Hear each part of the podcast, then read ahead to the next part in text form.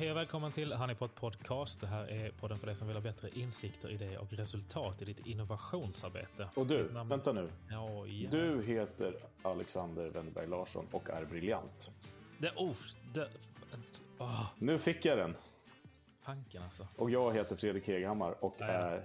Då fick du vända på den då. Precis. Men välkomna ska ni vara. Och Tack så idag har vi dessutom med oss en, en, en gäst. Vi har ju med oss Kristoffer Sandberg. Hej! Välkommen till Honeypot Podcast. Tack så mycket. Tack så mycket. Vem är Kristoffer? Lite kort. Eller kort. Vem är Kristoffer?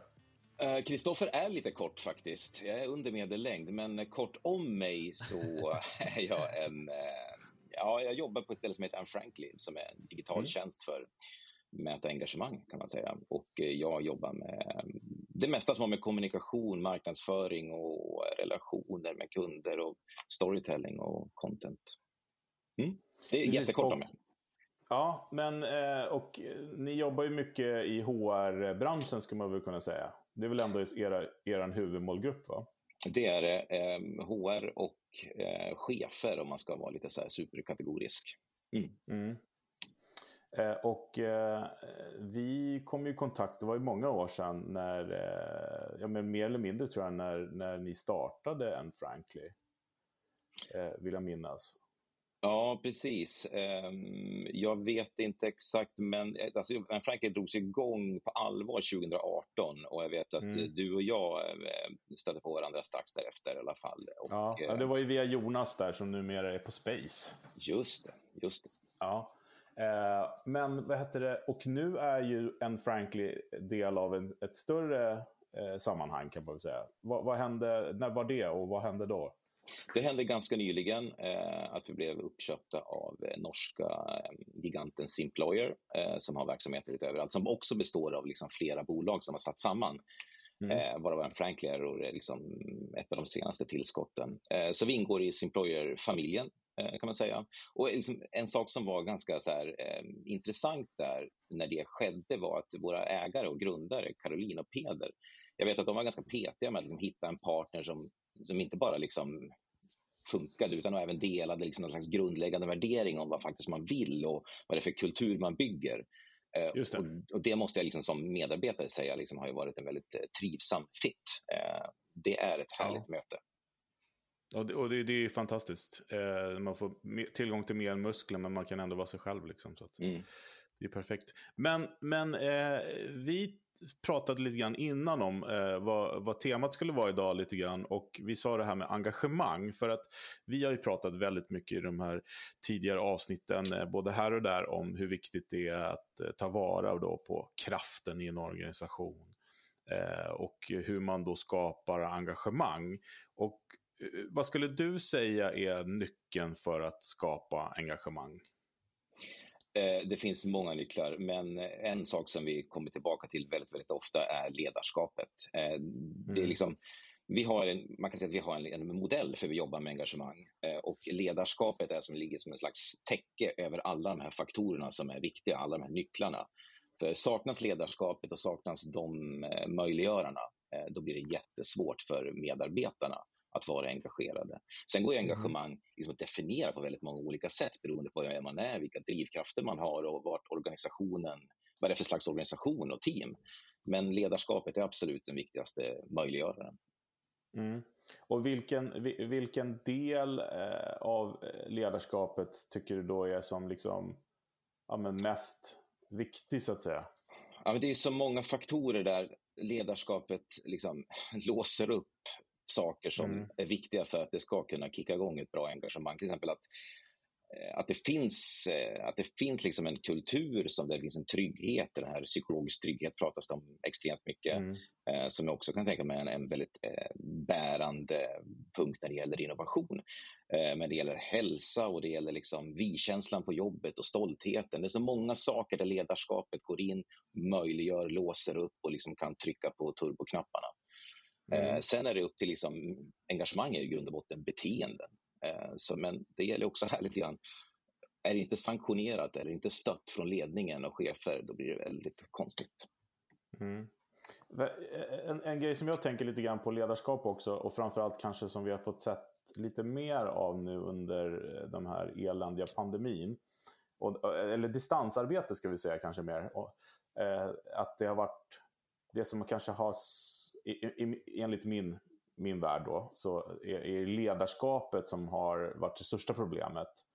Att folk inte Ja, men det, har inte liksom räckt med att ha lampan tänd på kontoret, om du förstår vad jag menar. Utan man måste mm. vara väldigt aktiv i, i, sitt ledarskap. Ser ni det i, i, datan som ni liksom... Ni sitter ju ändå på en, en skatt när det kommer till sån data. Liksom. Ja, verkligen. Vi ser eh, att ledarskapet, det är lite dubbelt här, för ledarskapet har tagit hårda smällar och det har varit liksom tudelat.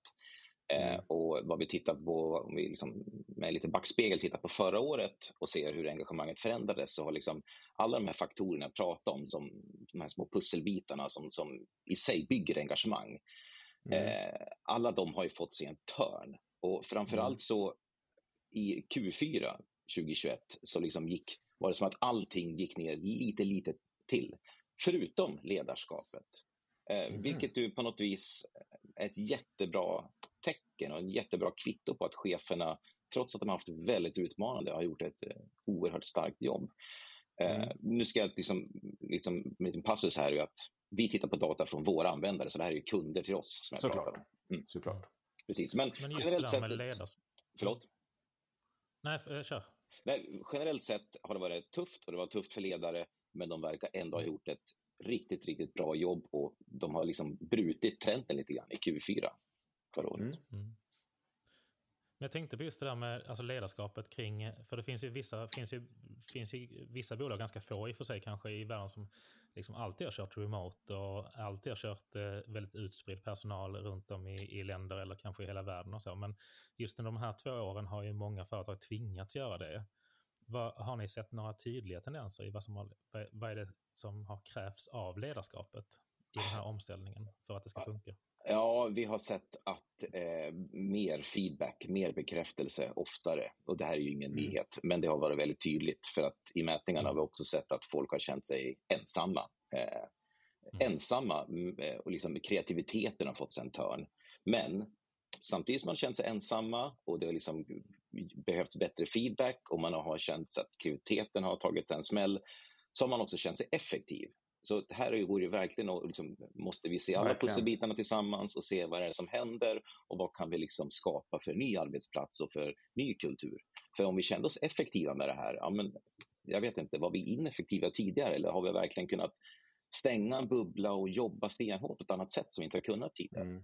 Så vi måste liksom ändå väga in alla de här sakerna och vara ödmjuka inför att eh, svaren är väldigt komplexa.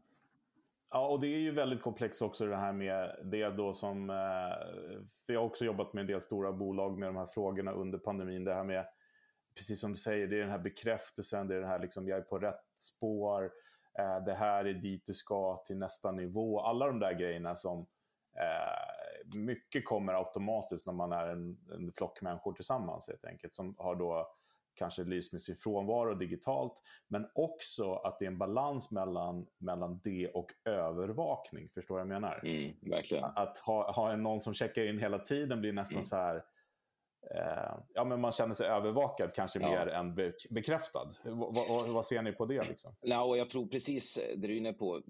En tydlig sak var att, eh, att man kanske hade ett behov av att bli bekräftad eh, och få feedback, men den behövde nödvändigtvis inte vara kopplad till prestationen. För, den, för att det var snarare eh, att bli sedd och bli bekräftad, ja, men att inte hela tiden bli mätt i, i liksom feedbacken. Det mm. eh, såg vi också som en eh, viktig tendens. Mm.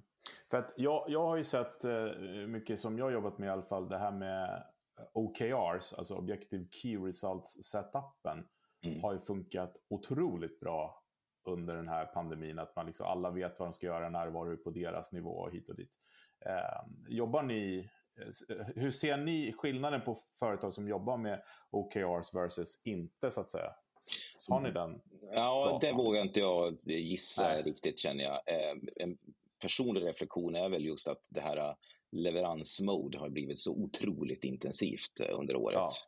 Eh, och vi har, vi har tidigare gjort så liknande kring att liksom, om man tidigare hade problem med att kanske jobba i stuprör så blev det mer sugrör.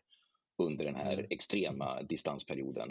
Eh, men för och nackdelar, en komplex fråga. Hamnade vi då i ett tajt eh, leveransmode? Ja, det är möjligt. Eh, men mm. som sagt, jag vill inte analysera det här bredare med risk för att sitta och killgissa för mycket. Nej, Ja, men här, man får killgissa i, det här, i den här podden. det är helt okej. Okay. Men eh, eh, jag förstår precis vad du menar och jag tycker att det är, ja, men det, det är intressant också, eh, i alla fall de datan som jag har fått tagit del av, just svängningarna år ett, hur folk liksom kände sig friare, levererade jäkligt bra. Uh, I alla fall de undersökningar som jag var med och gjorde och också tog del av så var det här med att sakna sina kollegor kom väldigt långt ner på listan. Mm, det var mer så här wifi och extra skärm som kom högt. Liksom. Medan då eh, år två så var det, då vände det helt. Liksom att så här, ja men vänta nu, jag har inte fått lönehöjning på ett år eller två. Jag mm. eh, vet inte hur jag ska ta mig till nästa steg. Jag vet inte vad som förväntas av mig hit och dit. Det, det är ganska stora skillnader mm. tycker jag. Eh, från då, och också år ett där folk var så här villiga gå ner i lön nästan för att få jobba så som de gör det. Och nu, ja. nu, nu står man på, på kö för att komma tillbaka till jobbet. Nej, men verkligen. Och en, en sån där sak som också har fått sig en rejäl smäll är just den här vi-känslan, eh, kulturen. Det är ju utmanande att bygga den på distans, i alla fall min erfarenhet. Det finns säkert jättemånga lysande exempel på motsatsen. Men det finns ju någonting i det fysiska mötet som är oslagbart och som vi, jag tror vi många gånger behöver för att bygga förtroende mm. mellan varandra, för att kunna samarbeta, för att kunna skapa trygghet och för att kunna vara innovativa och liksom utveckla det vi gör. Jag tror att det kan vara ganska svårt på distans och jag tror många vittnar om det, men som sagt, det finns säkert jättemånga lysande undantag också. Mm. Också det här med sammanhanget tänker jag, för att det, har, det känns som det är någonting som har vuxit ganska mycket de senaste åren också, att man man kanske vill jobba i ett företag där man känner ett sammanhang också i, mm. i vad vi faktiskt gör för någonting. Och där har kanske just det där med alltså effektiviteten i all ära, eh, men där kanske in, de små bitarna av ineffektivitet har varit en del av nyckeln i liksom välmåendet i sammanhanget också. Mm. Eh, alltså att faktiskt kunna liksom mm. ha de där stunderna där man inte bara är i leveransmode. Och de Nej, kanske är svårare att hantera remote också.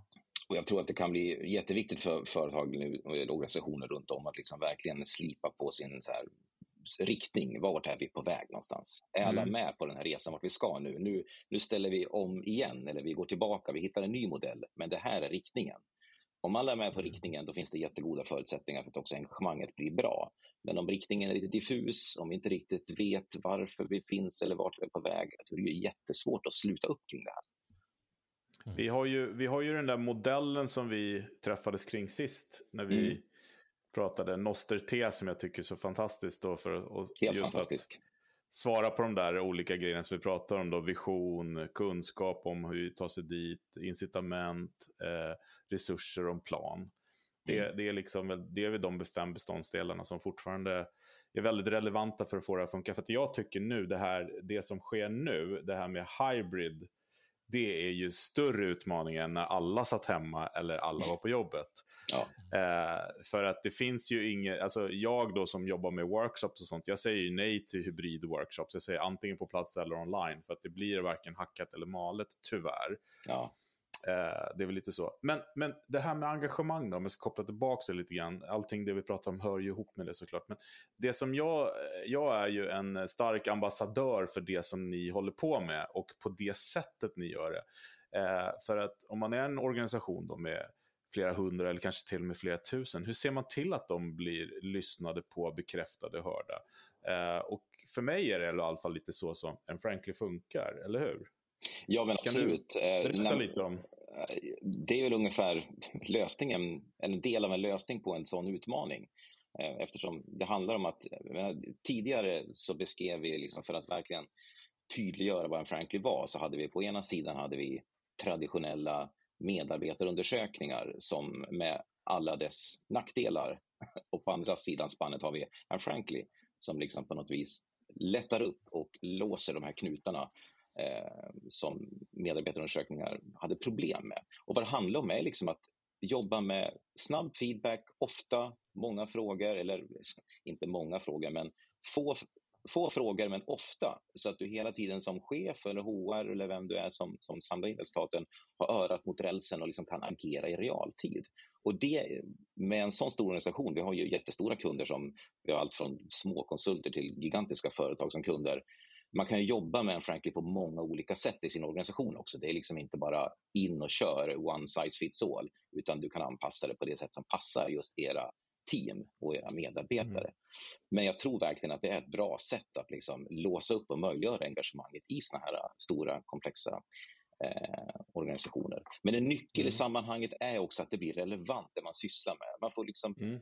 det är verkligen vi har väl alla varit med om det någon gång, liksom att man ska svara på en undersökning, man ska ta del av någonting, men så inser man ganska snabbt att men det här är ju inte, på vilket sätt påverkar det mig? Och på något vis då direkt där så skapar det någon slags alienation till det här. Jag liksom tar avstånd mm. och så känner du på, tvärtom på dåligt humör när jag ser det där. Det är så Verkligen. himla viktigt att det blir relevant och att det ligger nära mitt jobb. Och där är cheferna och organisationerna jätteviktiga. Det är de som ligger närmast sina medarbetare och eh, också en viktig uppgift att ta hand om de här eh, Franklin-mätningarna och resultatet mm. för att mm. kunna liksom skapa, skapa förändring och skapa, jag menar engagemang är ju inte mätningar, engagemang är ju beteenden. Eh, mm. Och skapa underlag för att bryta och skapa nya beteenden. Verkligen. Och där, jag tycker det finns en så fin koppling också där egentligen hur, hur vi tänker mellan exempelvis Hives och Anne Franklin också. För att um, vi pratar ju väldigt mycket om det här med, med något som vi kallar för att bite-sized kunna bygga på saker eh, liksom, eh, eh, löpande och jobba med, med innovation med löpande och, och engagera medarbetarna i det. Och det är lite grann där, där pratar vi mycket om det här med liksom, ska du kunna få in idéer och få ett engagemang från medarbetarna så kan du liksom inte be dem fylla i ett, ett business case på nio sidor så fort de har en idé, utan du får liksom göra det enkelt att delta och sen får du bygga på bitvis liksom allt eftersom det rör sig framåt och samla in den informationen du behöver. Mm. Ni har, er position har handlat, i alla fall från min, min synvinkel, har handlat väldigt mycket om just det här att gå från den årliga medarbetarundersökningen till att faktiskt liksom vara ute där och, och eh, vad kallar man det, pulsa organisationen ja. så att säga. Eh, Pulsarmätningar är det vi pratar om, precis. Ja, precis. Har, har, ni liksom, har du upplevt att det har varit, en, eh, har det varit ett naturligt sätt att hantera det på för många företag eller har det krävts liksom en omställning? Eller vad är det? Det är säkert var en omställning för vissa organisationer och många jobbar ju fortfarande med traditionell mätning mm. där man tar in kanske bredare underlag men att man kan mm. använda en Frankly för att kanske följa upp resultatet och skapa förändringen. Så det. det. finns ju liksom ingen motsättning, men det handlar i grund och botten om vad man faktiskt skapar för förändring. Alltså oavsett vilket verktyg eller vilka metoder du har, skapar du inte förändring och, så blir det ju knasigt. Eh, mm. Men eh, en Frankly kan verkligen vara också den funktionen som eh, möjliggör förändringar och liksom följer upp aktioner, sakerna ni ska göra. Men det, det tyckte jag var en intressant grej du tog upp. För det, det är ju som eh, när vi gör våra sessions eller när vi jobbar vårt verktyg. Att man liksom får en brief från kunden och sen så tar man in målgruppen i det. Och då blir briefen oftast lite annorlunda än vad den var från början. Eh, och det skulle, skulle, min erfarenhet i alla fall, eh, eh, är ju att när man gjort den här stora undersökningen i ett företag, den här årliga kanske som man gör, som man är van att göra. Det har tagit lång tid och man, det, man analyserar hit och dit. Eh, då har jag ju några gånger jobbat med företag som har just då Frank, en Frankly. Att kunna liksom bekräfta, är den...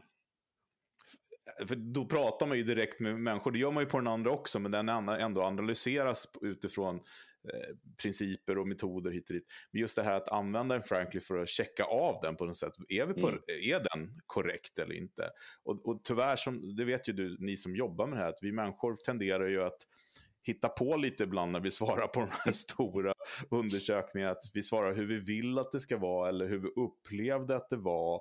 Mm. Eh, Medan då de här snabba, korta grejerna tycker jag, eh, i min erfarenhet är att det blir mycket ärligare svar. Mm. Och mycket mera, i, precis som du säger, i kontext. Liksom. Mm, ja, hela nyckeln är ju att det ska vara ärligt och att det ska gå snabbt och att det ska vara någon slags impuls att svara.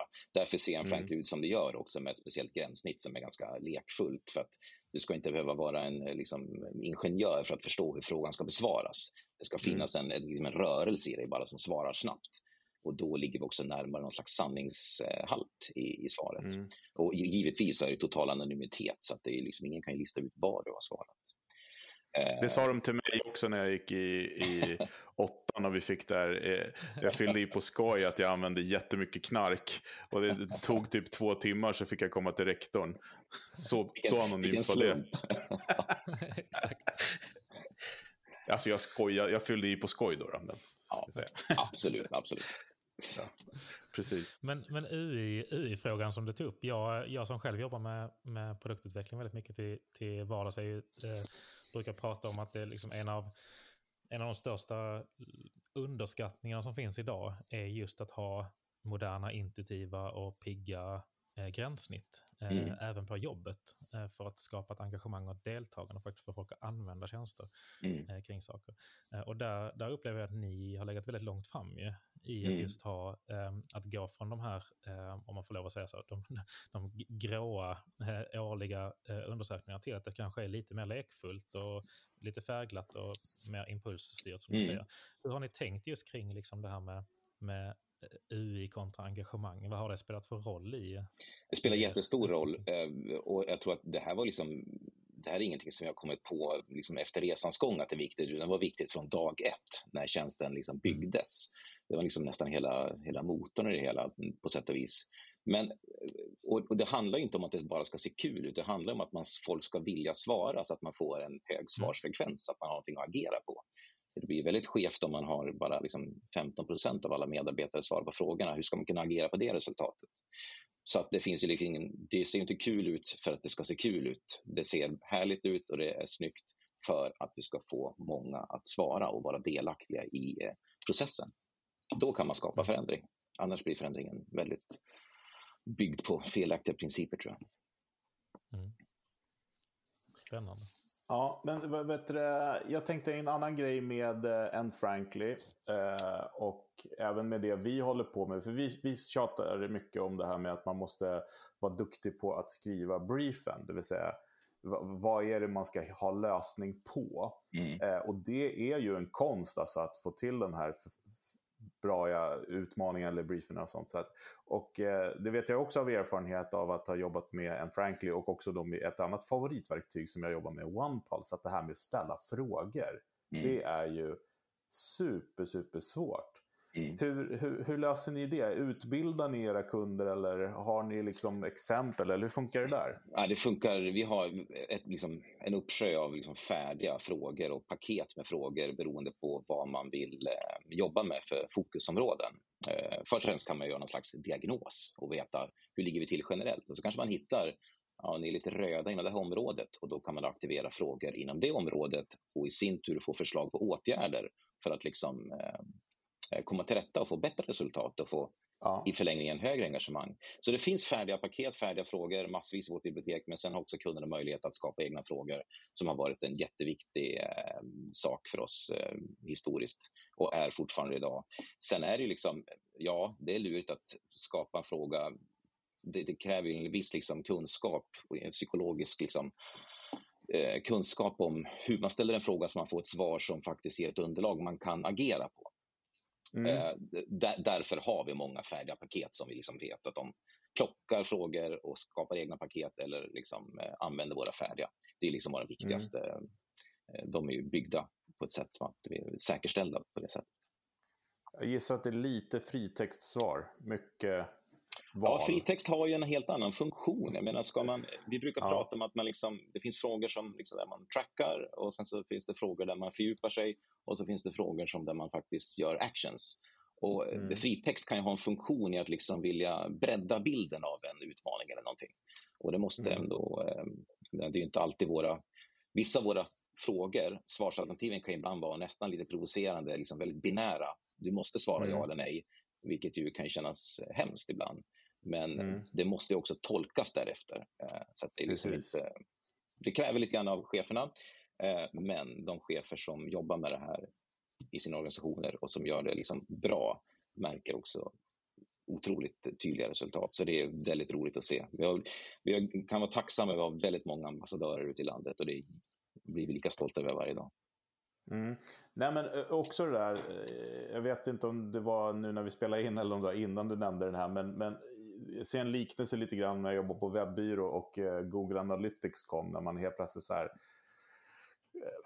ja, det, det, kostade lite mer pengar och trackade saker för Man var tvungen att lägga in speciella skript. Nu kom Google Analytics där du kunde liksom mäta allt och det var gratis. Och så frågade man kunden vad vill du mäta? Det var ju alltid allt. Då, Och då visste man, den som säger jag vill mäta allt, den mät, kommer inte använda datan till någonting. Nej. Eh, och det, det är väl lite så som du nämnde också eh, innan, eller i början här, jag kommer inte riktigt ihåg. Men det här med liksom att man måste på något sätt sätta det i kontext och hela tiden förstå vad är det, för, vad är jag vill ha reda på och mm. varför.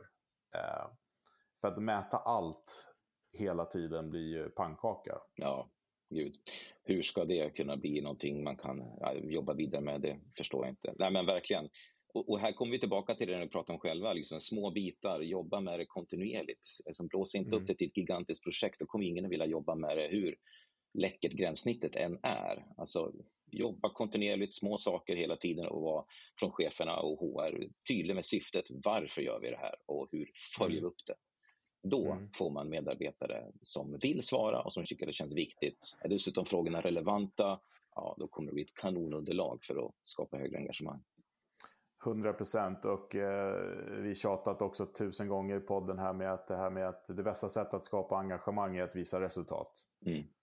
Att man inte kastar ner det att man bidrar med ett svart hål hela tiden och man hör ingenting utan Nej. återkoppling, visa resultat. Även om eh, i vårt fall då när vi jobbar med, med innovation och idéer som kan bli något eller inte, visa då hellre att den är parkerad att den inte kommer jobba vidare med, det är också en bekräftelse mm. och, ja, och, och, och eh, bevis på att man har utvärderat eller tittat på det. Mm. Så att, eh, det behöver inte alltid vara att det ska gå vidare heller. Nej, och där är våra kunder ganska kreativa. Liksom, flera, liksom, om man kanske mäter eh, välmående och hälsa, om det kan vara en viktig parameter till exempel i en större kontext som man jobbar med, då kanske man på ett sätt att visa det kanske är på någon slags månadsmöte, bland annat. Man kanske har någon liveboard någonstans, någon dashboard mm. alla kan titta på. Men det är också att man sätter det i kontext till de affärsmässiga målen. Eh, så att liksom, mm. Engagemang och välmående och alla de här faktorerna, det är de kopplingen till hur bra det går för företaget. Det är ju där mm. det liksom är magin uppstår. Eh, och eh, de, där är, jag ser att många kunder är jätteduktiga på liksom att lägga ihop de här pusselbitarna och få sån full effekt av sin satsning. Mm. Bra brygga till lite kongas tycker jag. Det är det. kör vi veckans goodiebag. Veckans goodiebag. Ja, det var veckans goodiebag. Ja, men grejen är så att vi sitter ju och pratar om, vi har egentligen pratat om det här och veckans goodiebag är ju självklart, måste ju vara en Frankly helt enkelt. Såklart. Verktyget. Ja, jag skulle inte kunna, jag skulle inte kunna säga emot, om jag försöker. Härligt. Uh, och uh, ja, men liksom, vi har ju pratat om, om features hit och dit, men hur går man tillväga om man vill liksom, uh, börja använda en Frankly? Vad, vad, vad, hur, hur går man tillväga? Eh, man hör av sig, man går in på vår hemsida och sniffar upp någon slags... Hör av, ja, det borde finnas en call to action någonstans där, annars gör vi från mm. marknaden ett knasigt jobb. Ja, men, ja, men vi kommer länka avsnittet här också. Ett, ett, ett litet medskick är ändå det här också att, att, att bara mäta är ju eh, inget vidare. Det handlar om att ta hand om Nej. resultatet och agera på resultatet. Mm. Annars är en Frankly bara ett verktyg där du samlar in massa data. Men mm. verktyget är mer komplext än så och din uppgift som medarbetare och chef är mycket viktigare än så. Så ta hand om resultatet, skapa förändringar som engagerar medarbetarna som gör att de går till jobbet med mer fart i steget och som känner att de vill liksom komma in och sprider energi. Det är då liksom magin mm. sker. För, för, en grej som jag tror, eh, killgissar nu då, att vi har samma utmaningar med lite grann, är ju att några av de som vänder sig till oss för, för vår produkt, Hives, vill ju ha en Baltasar-lösning. Det vill säga man, man köper den här lösningen, den här licensen och då kommer allting lösa sig. Då är vi innovativa. Mm. Och det är väl lite, det, eller du har ju precis sagt det här nu, att det är samma sak med en Frankly egentligen. För att verktyget i sig löser ju ingenting mer än insamlingen av fantastisk data och örat mot rälsen. Men det måste också exekveras. Mm. Vi, vi har liksom, i, i, i, tjänsten i sina early days, då var det väldigt mycket så, samla in data. Idag är den mer komplex mm. än så. Där liksom, mm. verkligen det finns förslag på åtgärder när ett resultat mm. pekar åt fel håll och så vidare. Men återigen, det här kräver ju att någon gör det. Det krävs att Exakt. du liksom pratar i teamet med om resultaten, samlas kring åtgärder så att alla är med på tåget. Det är mm. då det sker. Men erbjuder ni utbildningar för de som köper ert verktyg? Alltså inte i verktyget utan i hur de ska agera på, på datan har, så att säga? Ja, vi samarbetar med konsulter i det här fallet. Vi sitter inte inne ja. själva med, med en bunt människor. Men eh, i och med också att vi ihop eh, med Simployer numera så är vårt nätverk av konsulter som kan det här eh, väldigt mm. generöst. Mm, för det är ju jättebra grej att komma igång snabbt. Att, att, att få hjälp, extern hjälp med att både att skriva de här frågorna, att göra de här grejerna och också ta hand om datan. Och det gäller samma sak för vår produkt. Eh, och vi har också byggt upp ett, ett, ett, nätverk med konsulter som kan hjälpa till att få igång det. Men, mm. men målet är väl att man ska kunna ha sitt egna öra mot rälsen hela mm. tiden så att säga. Och precis som du säger, att svara på de här grejerna. För en engagerad, vad sa du, eh, kraft i steget personal. Precis, fart, ja exakt. Fart i steget. Fart i steget. Bra Klipp i steget. Ja, Klipp i steget, precis. Ja, det tycker jag.